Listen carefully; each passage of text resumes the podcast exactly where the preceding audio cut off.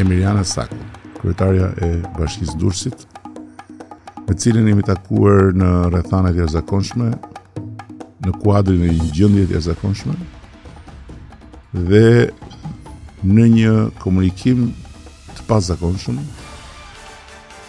Kujtohet? Po. S'besoj se do ta harroj ndonjëherë.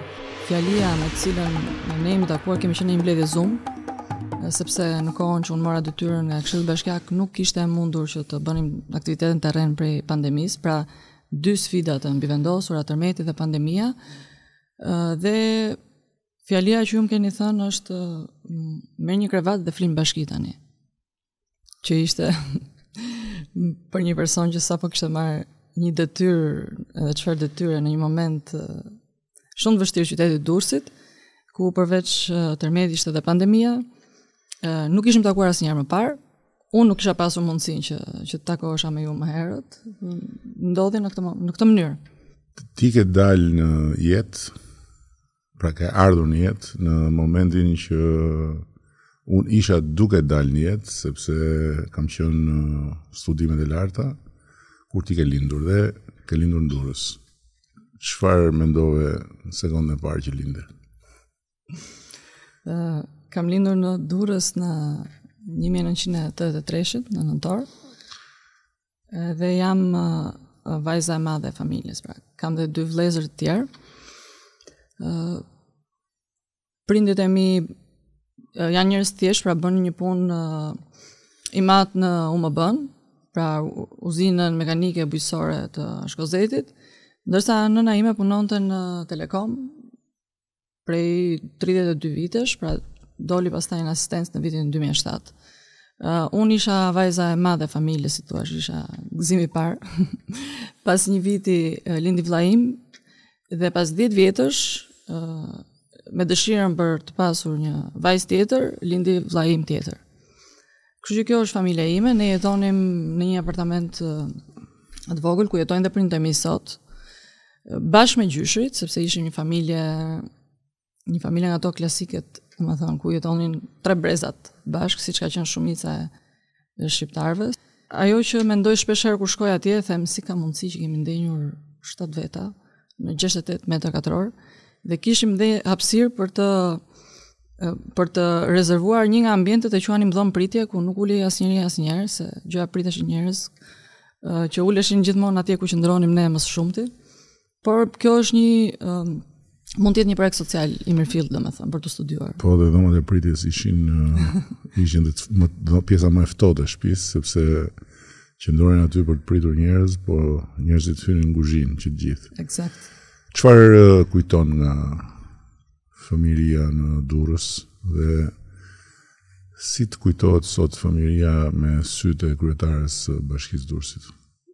Okej, okay, e vështirë. Uh, si fëmijë, ajo që kujtoj gjithmonë që e krahasoj edhe me fëmijët e mi është që uh, iknim në shkollë vetëm, pra pa na shoqëruar njeri në klasën e parë, në klasën në klasën e parë mbase më kanë shoqëruar prindët, pastaj në klasën e dytë që i bie 8 vjeç, çantën në kurriz edhe kalo 3-4 rrugë derisa të arrish në shkollë. Ëm um, kujtoj uh, praktikisht rrugën e shkollës, nga biblioteka deri tek ish-dentistët, shkolla Dalip Tabaku quhej atëherë, sot është Jusuf Puka. Uh, kujtoj, duke qenë se ime më punonte në Telekom, shpeshherë shkoja edhe te puna e saj që bëja detyrat, dhe rrugën e lagjen e kuminit, e cila nuk ka pasur një metamorfozë të, të madhe, në krahasim me çfarë ka ndodhur në pjesën tjetër të qytetit të Durrësit. Uh, dhe patjetër, kujtoj, uh, rrugën e plazhit të Currilave. Pra nga shtëpia shkonim në këmbë nëpërmjet Kodrës së Vilës, zbrisnim atje në malore për të arritur në plazh dhe kjo ishte një ndër pjesët më të lumtura të fëmijërisë apo të një kujtese të një ë uh, fëmije le të themi. Ti duhet të kesh qenë uh, sidoqoftë e rritur mjaftueshëm edhe pse ende e vogël për të filmuar me sytë e kuriozitetit fëminor momentet e mëdha dramatike të ikjeve nga Durrësi, kujton gjë? Uh, po, patjetër. Uh, mendoj që kjo, kjo, këto kujtime kanë mbetur aty për më shumë sesa 30 vite, deri kur uh, në 8 gusht të, të vitit 2021 ne patëm një aktivitet me qytetin e Barit, pra Bashkia e Durrësit dhe Bashkia e Barit, pati një aktivitet i cili u bë dhe në Durrës dhe në Bari. Në kujtim të nisjes së anijes Vlora.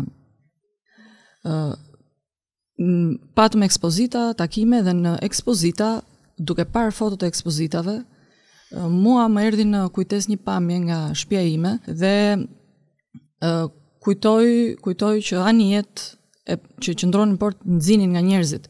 Por këtë gjë nuk kisha si ta kuptoja në qoftë se nuk më ndodhte diçka brenda shpisë time. Pra, kjo mund të ishte thjesht një pamje që humbte në sytë e një fëmije, por brenda shpisë time, im atë bëhet gati që të niset për në Itali. Vishet, merr bukë me vete dhe ulet priste një shokun e vet që të niseshin të dy. Në atë kohë, gjyshja ime u alarmua sepse ne sigurisht ne dinim që duhet t'iknim, po jo, pse duhet t'iknim? atje. Dhe nuk mund të iknim ne komplet si familje, sepse ne ishim shumë të vegjël unë dhe vëllai im. Kështu që do nisej vetëm babai im. Ndërkohë gjyshja i lutej që mos u nis sepse ke fëmijë të vegjël, kush do kujdeset, babai jot është i paralizuar, e tjera me radhë dhe këto e bënë atë që që mos nisej, por ky diskutim brenda familjes ë uh, shënoi la një shenjë si thua në kujtesën time që në atë kohë isha 8 vjeç. Nëse im atë do ishte nisur, besoj që nuk do ishim duke folur në këtë podcast. Ndërkohë jeta të çoi në rrugën e arkitekturës. Pse? Uh, unë kam një pak dhunti për vizatim nga im atë, sepse ai përveç se mekanik në NB ka qenë edhe në Institutin e Projektimit numër 6 që ka qenë në Durrës, pra ka qenë një nga institutet e projektimit të ushtrisë, me sa kujtoj. Dhe ai kishte një prirje për uh, vizatim teknik, vizatim etj, pra kishte një prirje inxhinierike. Uh, kjo është trashëguar dhe tek unë dhe që në vitin e parë të gjimnazit unë fillova të krijoja idenë e arkitekturës si si formim. Duke qenë se në një farë mënyre e mora këtë vendim herët, u dedikova që të studioja edhe të fokusohesha më tepër në vizatim teknik, vizatim të lirë, gjitha llojet e e grafikës le të themi. Plus në këto shkencat ekzakte, matematikë, fizikë, kam qenë mirë me mësime, dhe këto bënë që të fokusosha këtë katërvjeçarin e gjimnazit për të shkuar drejt konkursit vetëm në degën e arkitekturës. Pra, në qoftë se në kohën që unë konkuroja, futeshin në konkurs në disa degë, pra, këta që ishin mirë me mësime të paktën provonin mjekësi, inxhinieri, provonin disa, disa degë të cilat ishin të rëndësishme, po. po. Uh, unë në fakt konkurova vetëm në degën e arkitekturës dhe përfundova më tej studimet për të vazhduar dhe të ushtroj profesionin tim në por uh, vazhdove edhe me një shkollë apo specializim në Itali? Uh, po, kam bërë 2002-2008, ka qenë formimi në Fakultetin e Inxhinierisë të Ndërtimit, dega e arkitekturës. Edhe më tej në 2011 pata mundësinë që të bëj një uh, specializim në Romë për uh, po për këtë për housing, pra për degën, një tematikë nga këto të energjetikës në degën e arkitekturës, ku fillova dhe një farë uh, tiroçinio e quajnë në italisht, pra një farë eksperience në një studio projektimi atje. Dhe me thënë të drejtën isha e dyzuar të qëndroja... Këtë desha të pyes. Të qëndroja apo të kthehesha. Pse, pse u ktheva? Atje duhet të merrja nja tre mjete të shkoja deri në punë, edhe duhet të mbaja një laptop nja një orë në kurriz. Domethënë, do ndërroja dy autobusë dhe një metro që të arrija në këtë studio. Punoja gjithë ditën pa asnjë lloj pushimi, për të bërë të njëjtën rrugë në kthim, dhe sigurisht në Romë konkurrenca është shumë e madhe, është një qytet i cili edhe studentët i, i vendos përpara një bloku, sepse uh, ka bukuri të rëndësishme e të tjera me radhë, të cilat uh, pra ka shumë studio arkitekture. Uh, ka një konkurrencë të madhe. Ka shumë arkitektë, kishte shumë arkitektë të cilët punonin kamarierë në qendër historike dhe ku fitonin shumë herë më tepër sesa të, të ushtronin profesionin. Dhe kjo më bëri që të mendoj që në Shqipëri kisha më shumë hapësira ë uh, për të ushtruar profesionin tim edhe patjetër për të ë uh, edhe profesionin e lirë, për, kisha më shumë hapësira për për për të punuar. Nuk nuk më duket mua, por tani më përforcon uh, këtë ide tregimi me uh, sforcën fizike që ti je një njeri që ke marrëdhënie të mira me uh, sforcot fizike dhe me fizkulturën në përgjithësi. Kështu më është dukur gjithmonë, por po tani m'u përforcua. Në fakt pesha ime nuk e sfidon shumë gravitetin, le të themi, por Por, uh, unë nuk e duroja dot fizkulturën, me thënë të drejtën. Pra, edhe në shkollë kam qenë, kam qenë e mirë tek, pra, vizatimi gjithmonë, kam pasur qejf biologjinë, më pëlqente, sepse mbase ka qenë meritë edhe e mësueses, kam pasur një mësuese shumë të mirë, të respektuar. Dhe ende i mbajmë mend ato procesin e mejozës, mitozës edhe kromozomet e çuditshme, domethënë. Por dega që lënda që nuk duroja dot dhe që çfarë nuk sajoja për për ta shmangur ishte fiskultura.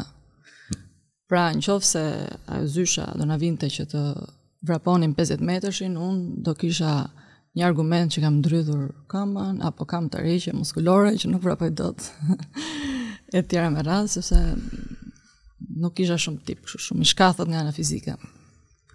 Tani vlera e këtij bashkëbisedimi duhet të jetë sipas meje, po nuk e di sa do ta realizoj në këtë eksperiencë të re që të thuhen gjërat pa e pasur mendjen tek uh, ata që mund të dëgjojnë. Pra si ballë për ballë. Po këtu përgjegjësia prapë mbetet sepse përgjithësisht ndjesia ime është që ju edhe ballë për ballë kur jeni me mua nuk i thoni gjërat siç i mhm. mendoni të gjitha. Dhe unë po provoj ë Cili ka qenë momenti i parë i kontaktit tënd serioz ose më saktë kur ti ke menduar pa e menduar që do ishe vetë ndonjëherë pjesë e saj, por ke mend, kur ke menduar për politikën, dhe ça ke menduar momentin e parë, kur ke filluar të mendosh për politikën, si një spektatore, qytetare, kalimtare? Do ta filloj me duke qenë e sinqertë që nuk kam pasur Ambicie për qenë kryetar bashkie. Jo, kjo dihet, sepse nuk ishte ambicie që të çoi, të çoi tërmeti. Po, po, po, po. Këtu, nuk kam pasur ambicie. Këtu po pyes për diçka tjetër përpara se sa të vim tek tek uh, drejtimi i bashkisë. Çka ke menduar për politikën? Dot ke menduar që është një punë e poshtër? Edhe më tepër indiferencë se sa punë e poshtër. Pra kam pas një paragjykim Mendoj që është momenti tani edhe për për të dhënë një model kur je i ri dhe të jepet një mundësi, domethënë për të dhënë një model sa i takon politikës. Modeli është tjetër dhe ti për hir të vërtetës po e bën atë pjesën tënde me modesti, me vullnet, me shumë ambicie që e menaxhon mirë që nuk e tregon haptas që e ke dhe me shumë përkushtim. Por pa shkuar tek modeli, sepse uh, është shumë interesant një fakt që unë kam parë shumë njerëz që nuk e kanë dashur fare politikën. Dhe kur unë jam, u jam afruar në përpjekjen që t'i ftoj që të afrohen në gjithë atë proces tani më të gjatë të, të uh, futjes së gjakut të ri në organizmin e partisë socialiste, e kam ndeshur në mënyrë të vazhdueshme refuzimin, por pastaj kam parë edhe se si një pjesë e konsiderueshme e tyre janë kthyer në pasionantë të kësaj pune. Uh, prandaj të pyeta për raportin me politikën, sepse fatkeqësisht shumëkush e mendon politikën si një gjë si një punë të poshtër, siç thashë, si një pisllëk, si një si një një gjë që të cilës as nuk duhet t'i afrohesh, s'duhet t'ia dëgjosh erën, s'duhet t'ia dëgjosh zërin, s'duhet t'ia Por ata që e mendojnë kështu dhe janë shumica, e harrojnë që pa politikën s'do bëheshin kurrë gjërat që i kanë ndodhur njerëzimit. Dhe politika mund të jetë shumë e mirë, mund të jetë edhe shumë e keqe në varësi nga duart në të cilat bie dhe nga mënyra si përdoret, po mbi të gjitha sa më shumë njerëz të merren me të, aq më pak politika mund të merret me njerëzit në mënyrë të gabuar. Uh, gjithsesi kthehemi tek tek rrugtimi yt edhe tek pseja e um, përpjekjes tënde, por edhe e dëshirës tënde për të vazhduar. Megjithëse në përgjithësi kam parë kam parë shumë njerëz që nuk duan të hyjnë në këtë valle, por ende ë uh, nuk shkoj dot te gishti i dytë për t'i numëruar ata që duan të dalin mm -hmm. nga mhm. kjo valle. ë uh, Ça ke ndjerë dhe ça ndjen si kryetare e bashkisë së Durrësit në këtë proces? Pra, si ka evoluar ndjesia ndaj kësaj detyre dhe ndaj këtij roli në këtë periudhë? Para se t'i përgjigjem kësaj pyetjeje, doja të të bëja një refleksion të asaj që kam ndier unë të paktën në këtë trevjeçar për ë uh, të qenurit pjesë në politikë. Në përgjithësi edhe nga të rinj që janë pritet një lloj mbase një lloj agresiviteti për t'u bërë i barabartë me atë medion që është në Shqipëri që që ti jesh politikan duhet të bësh debate, duhet të jesh i sherrosur gjithë kohës e tjera me radhë. Dhe unë kam qenë e kundërta e kësaj sepse këtë formim kam edhe këtë natyrë kam. Pra në përgjithësi jam e fokusuar tek puna dhe tek raporti me njerëzit, ajo është më e rëndësishme për mua. Por, um, kur kam qënë në komisionet hetimore, patëm një farë përplasje me grupin e komisionit, dhe në fakt unë isha shumë e pra po të më shpoje nuk më dilte një pikë gjak për atë debat që patëm aty, sepse më dukej i padrejtë, më dukej i uh, i për pra i, i kërkuar sepse unë isha në një fushatë zgjedhore pra më dukej si një mizanskenë, domethënë, tamam, kështu më dukej. Ndërkohë njerëzit më, falen, më, më thonin bravo, më falenderonin për sjelljen, për qëndrimin, për, pra, për përballjen që kisha bërë. Dhe nuk, nuk arrija t'i besoja syve, domethënë, se më, më, një, më dukej një gjë negative ajo që kishte ndodhur atje, ndërsa njerëzit e kërkonin këtë gjë, me sa duket. Dhe, dhe kjo është Kjo është, unë mendoj që duhet të ndryshojë, domethënë, sepse politika nuk bëhet vetëm nëpërmjet këtij debati kaq të fortë edhe shpesh herë shterp, por bëhet nëpërmjet fakteve, nëpërmjet qëndrimeve, punës, e tjera me radhë, pra që siç bëhet në çdo profesion tjetër. Ky është zgjatimi në këtë në këtë fazën e dytë të jetës i asaj gjësë apo problematikës që ke pasur që e vogël me fizkulturën. Domthon sforcimet, sforcimet uh, ekstra nuk i do.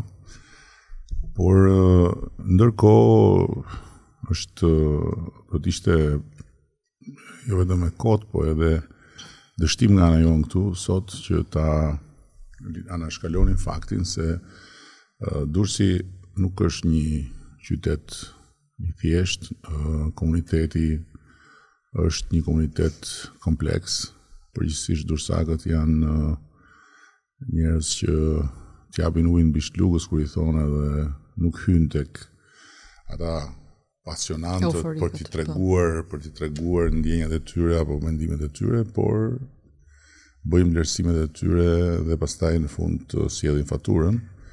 Ashtu sikundër nga ana tjetër, është edhe goxha kompleks. Tani një person që siç the edhe vetë nuk e sfidon shumë tokën me peshën që ka edhe gravitetin e e mban duke qëndruar në ekuilibër mes erërave që mund ta rrëzojnë nga momenti në moment uh, për shkak të kilogramëve të pakët dhe një person që nuk i do sherret, nuk i do përplasje, nuk e do as fizkulturën si ushtrim fizik, as fizkulturën si ushtrim gjuhësor, si e bën në këtë kompleksitet. Ka pasur momente që kam qenë në vështirësi, domethënë, uh, sepse situata kur unë fillova detyrën ishte më e vështirë se sa e kisha menduar, uh, por uh, ajo që i kam thënë vetes është që Ani, bëj punën, sepse çdo gjë do do gjejë vendin e vet, domethënë. Kështu që për mua uh, ajo veriu i i drejtimit është uh, vetëm puna, puna. Kjo pastaj është që uh, Pra duke bërë punën ke mbështetjen e njerëzve. Sa përshtypje të bën presioni, presioni i opinionit, presioni i grupeve të interesit, presioni i vendimmarrjeve që shpeshherë bëhen realisht të vështira për arsye nga më të ndryshmet. Po varet. Pra- të lë të lë pa gjumë për shembull. Pra, nëse ka një presion të të pabazuar, zero, domethënë, pra një media apo një pra që thonë fakte të cilat unë jam shumë e qetë që nuk qëndrojnë, domethënë. Presioni nga grupet e interesit, përpiqem që t'i dëgjoj, pra t'i, sepse mbase ka grupe interesi të cilat kanë të drejtë në ato që kërkojnë. Dhe përpiqem që të jem e të kem aftësinë e adaptimit të mendjes me zgjidhjet. Pra mos të qëndroj kokëfort në momente të caktuara kur realisht duhet marrë një vendim i cili është për të mirën e të gjithëve, por të përpiqem të kem një mendje që adaptohet me zgjidhje të reja, domethënë. Po ndërkohë duhet uh, s'mund ta harrojmë që uh, ti përveç këtij presioni të madh ke edhe një presion tjetër, që është presioni i të qenit edhe nënë, edhe me dy binjakë. Po, që po. kjo është një tjetër, kjo është një tjetër shaka e madhe e universit ndaj teje, sepse universi Uh, mbasi solli tërmetin të vuri ty në krye të bashkisë dhe tani jemi tek sfida tjetër që po po është kam dy fëmijë po kam dy djem Thomas dhe Greg uh, të binjak. binjak identik domethënë edhe ngjajnë shumë të cilët janë 8 vjeç tani. Në fillim ka qenë shumë e vështirë, por domethënë me mua ka ndodhur kjo që besoj se ndodh me çdo grua që bëhet nën që mbasi bëhet nën mund mbaj akoma më shumë ngarkesë dhe përgjegjësi se sa mbante përpara se të ishte nën. Kështu që ata kanë qenë një patjetër që duan kohën e vet e të tjera me radhë, por kanë qenë një, si me thënë, një edhe udhërrëfyes në këtë rrugën time. Shumë vendime që marr ose shumë gjëra që bëj i kam, si me thënë, që, që përderisa e bëj i bëj për e bëj për ata, do të thotë edhe për gjithë fëmijët e tjerë, pra qoftë se Durrësi duhet të jetë një qytet më i mirë, un së pari e bëj për fëmijët e mi që kanë lindur dhe rriten në këtë qytet. Por automatikisht e bëj edhe për fëmijët e për gjithë fëmijët e qytetit. Pra qoftë shkollat, qoftë hapësira publike, qoftë një qytet më të jetueshëm edhe më më të mirë. Nga eksperienca ime personale, un kam bindjen që uh, sfida më e vështirë për ta bërë me sukses për një grua, për një bashkëshorte, më saktë. Është të jetë gruaja e një kryeministri. Por nuk e marr dot me mend se çfarë sfide duhet të jetë për një burrë që të jetë burri i një kryetare bashkie. lidhur me angazhimet që janë domosdoshme për fëmijët, për shpinë, për për shembull kush i lan rrobat në shpinë tënde burri? Jo, ai më ndihmon shumë në fakt për rrobat jo, se do ishte tropo domethënë t'i kërkoja edhe këtë.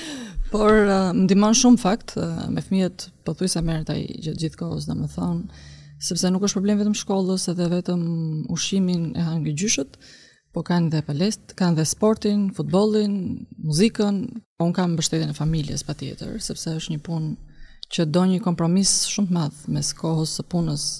Dhe sigurisht që këtë kohë do ia marrësh familjes, por fatmirësisht ë uh, më ndihmojnë shumë dhe prindët e mi, pa të cilët nuk e di si si do ia kisha bër. Uh, Im shoq patjetër. ë uh, sa jemi pa hyrë në Europë, se kur të hym në Europë, do kërkojnë dhe prindit ato pavarësinë e vet. se në Europë nuk të mban njëri kalamajt, me sa di unë. Kështu që kam një ndihmë të jashtëzakonshme nga familja.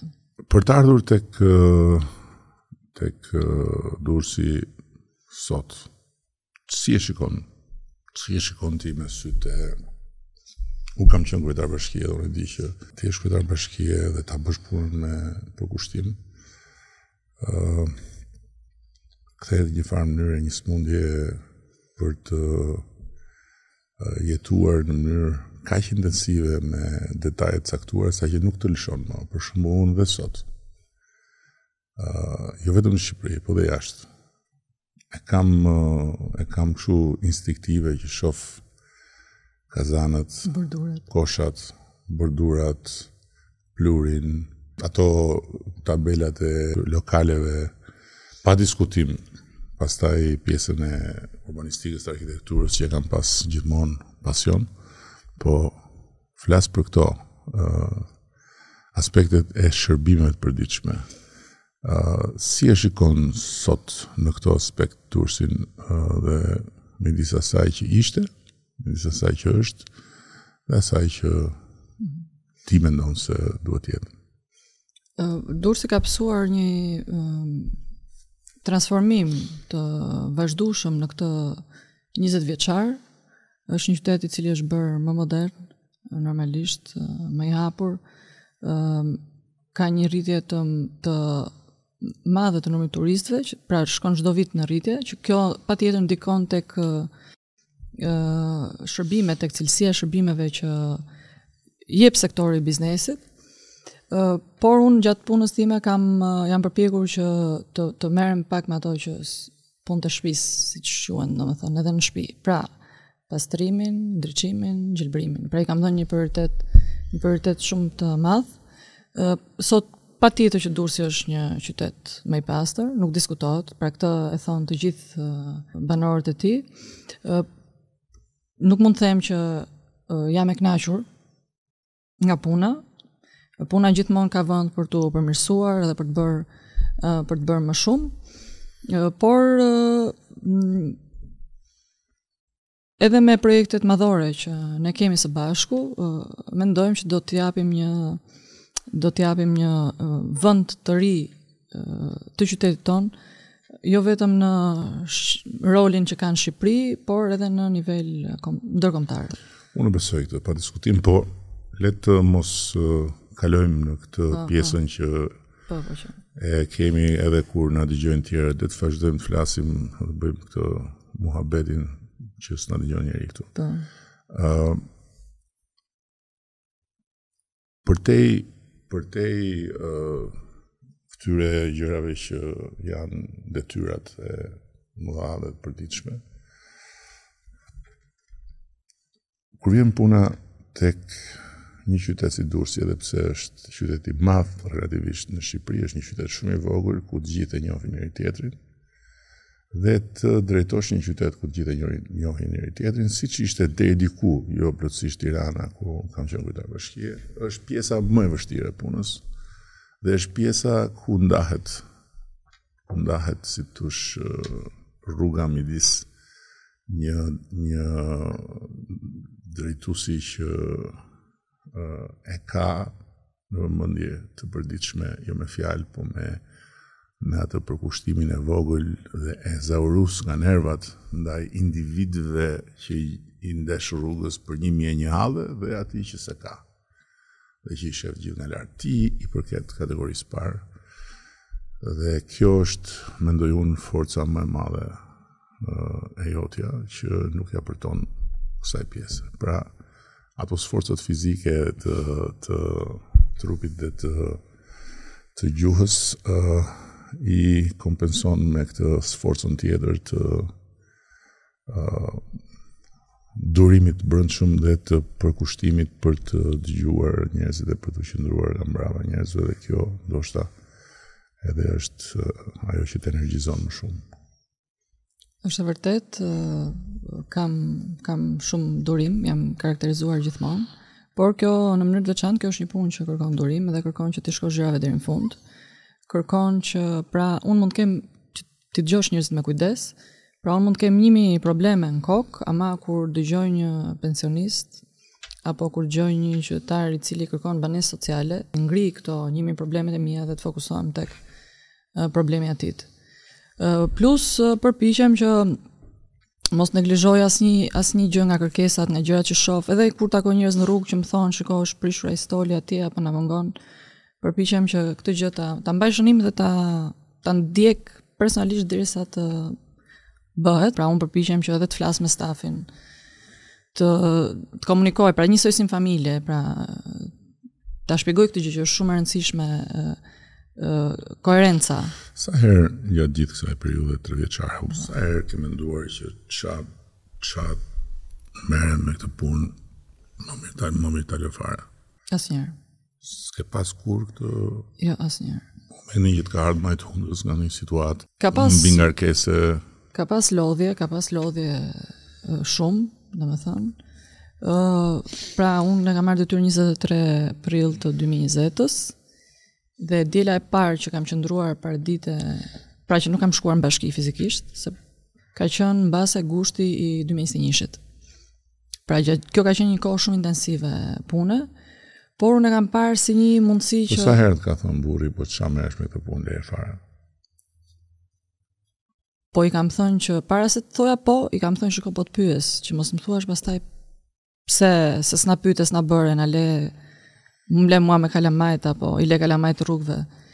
Dhe kur më thotë kështu i them që po unë të pyeta dhe. Po prindërit sa herë i gjen me me çehret vrarë me ilaçe për t'u qetësuar nga ç'a dëgjojnë kur të sulmojnë kur të kanë po uh, ime më më tepër domethënë se im atë është më indiferent në natyrë kështu pak më i ftohtë po ajo është edhe në zgjedhjet e marsit ishte e domethënë nuk guxoja të shkoja në shtëpi atje se fillonte me pyetjet po ky tha kështu po pse e tha atë tani është akoma më e preokupuar që të takoj njerëz dhe të bëjë fushatë për mua. Njerëzit që shikojnë politikën nga larg ose që na shikojnë ne nga ekrani e kanë të pamundur ta kuptojnë që çfarë kostoje është nga pikëpamja e e fizike pikëpamja e, mendore, nga pikëpamja shpirtërore,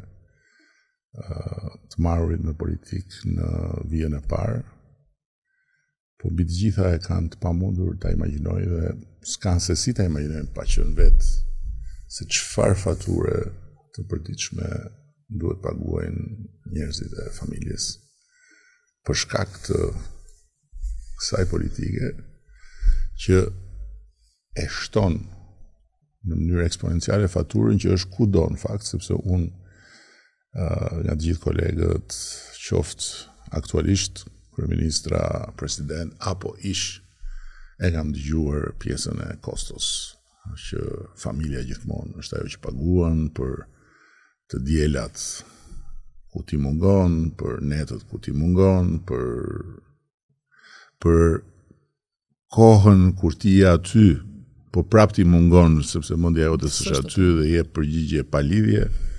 Por në Shqipëri për shkak të kësaj politike dhe të këtij sherri të pafundëm dhe të kësaj balte shpifjesh dhe akuzash kostoja për familjen, ku shpeshherë familjarët përfshihen si pjesë e shënjestrës është e paimagjinueshme. Ndërkohë, uh, arratisjet secili i ka në formën e vet, ti si i ke arratisjet, dhe arratisesh ku në muzikë, në faqe librash, në ekrane telenovelash indiane, ku? Nuk televizor nuk shikoj fare, kam vite domethënë. Pra edhe në qoftë se ka një moment që gjej televizorin ndezur, apo uh, janë të tjerët prezent të familjes, uh, preferoj të shikoj një emision italian social, ekonomik, apo politik.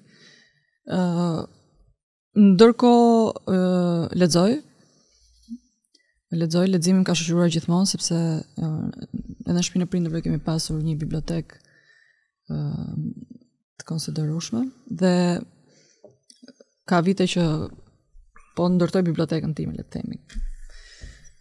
Leximi është është pak si fizkultura për ca, domethënë, si palestra për ca. Unë e kam me lexim. Pra, moment që lexoj, shkëputem pak edhe futem në një botë tjetër, shkëputem nga këto të përditshmet e punës, shqetësimet, problemet e tjera me radhë, edhe muzika patjetër. Kam pasur dhe fotografinë uh, si hobi mund të themi, por tani nuk kam as kohë as mundësi që të uh, të merrem me fotografi. Kështu që kam ngelur te leximi. Domethënë jam kapur, jam varur vetëm pas leximit. Okej. Ë uh, pjesa tjetër e bisedës është publike, është e vazhdueshme, kështu që këtë bisedë jo publike jo të vazhdueshme që në fakt ne e bëjmë për herë të parë edhe pse tanimë njihemi jo vetëm përmes Zoom-it por edhe në shumë kontakte ë uh, mendoj që mund ta ndalim këtu.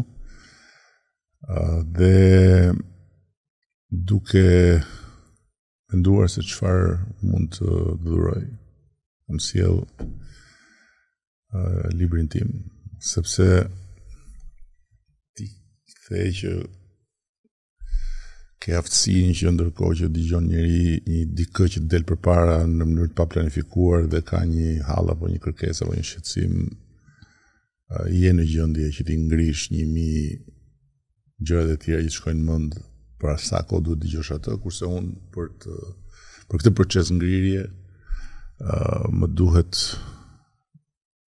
të vizatoj gjatë kohës që që flas dhe dhe sidomos gjatë kohës që dëgjoj sepse përndryshe në zyrë ku në fakt ajo që që kam ndjerë në muajt e parë ka qenë e tmerrshme.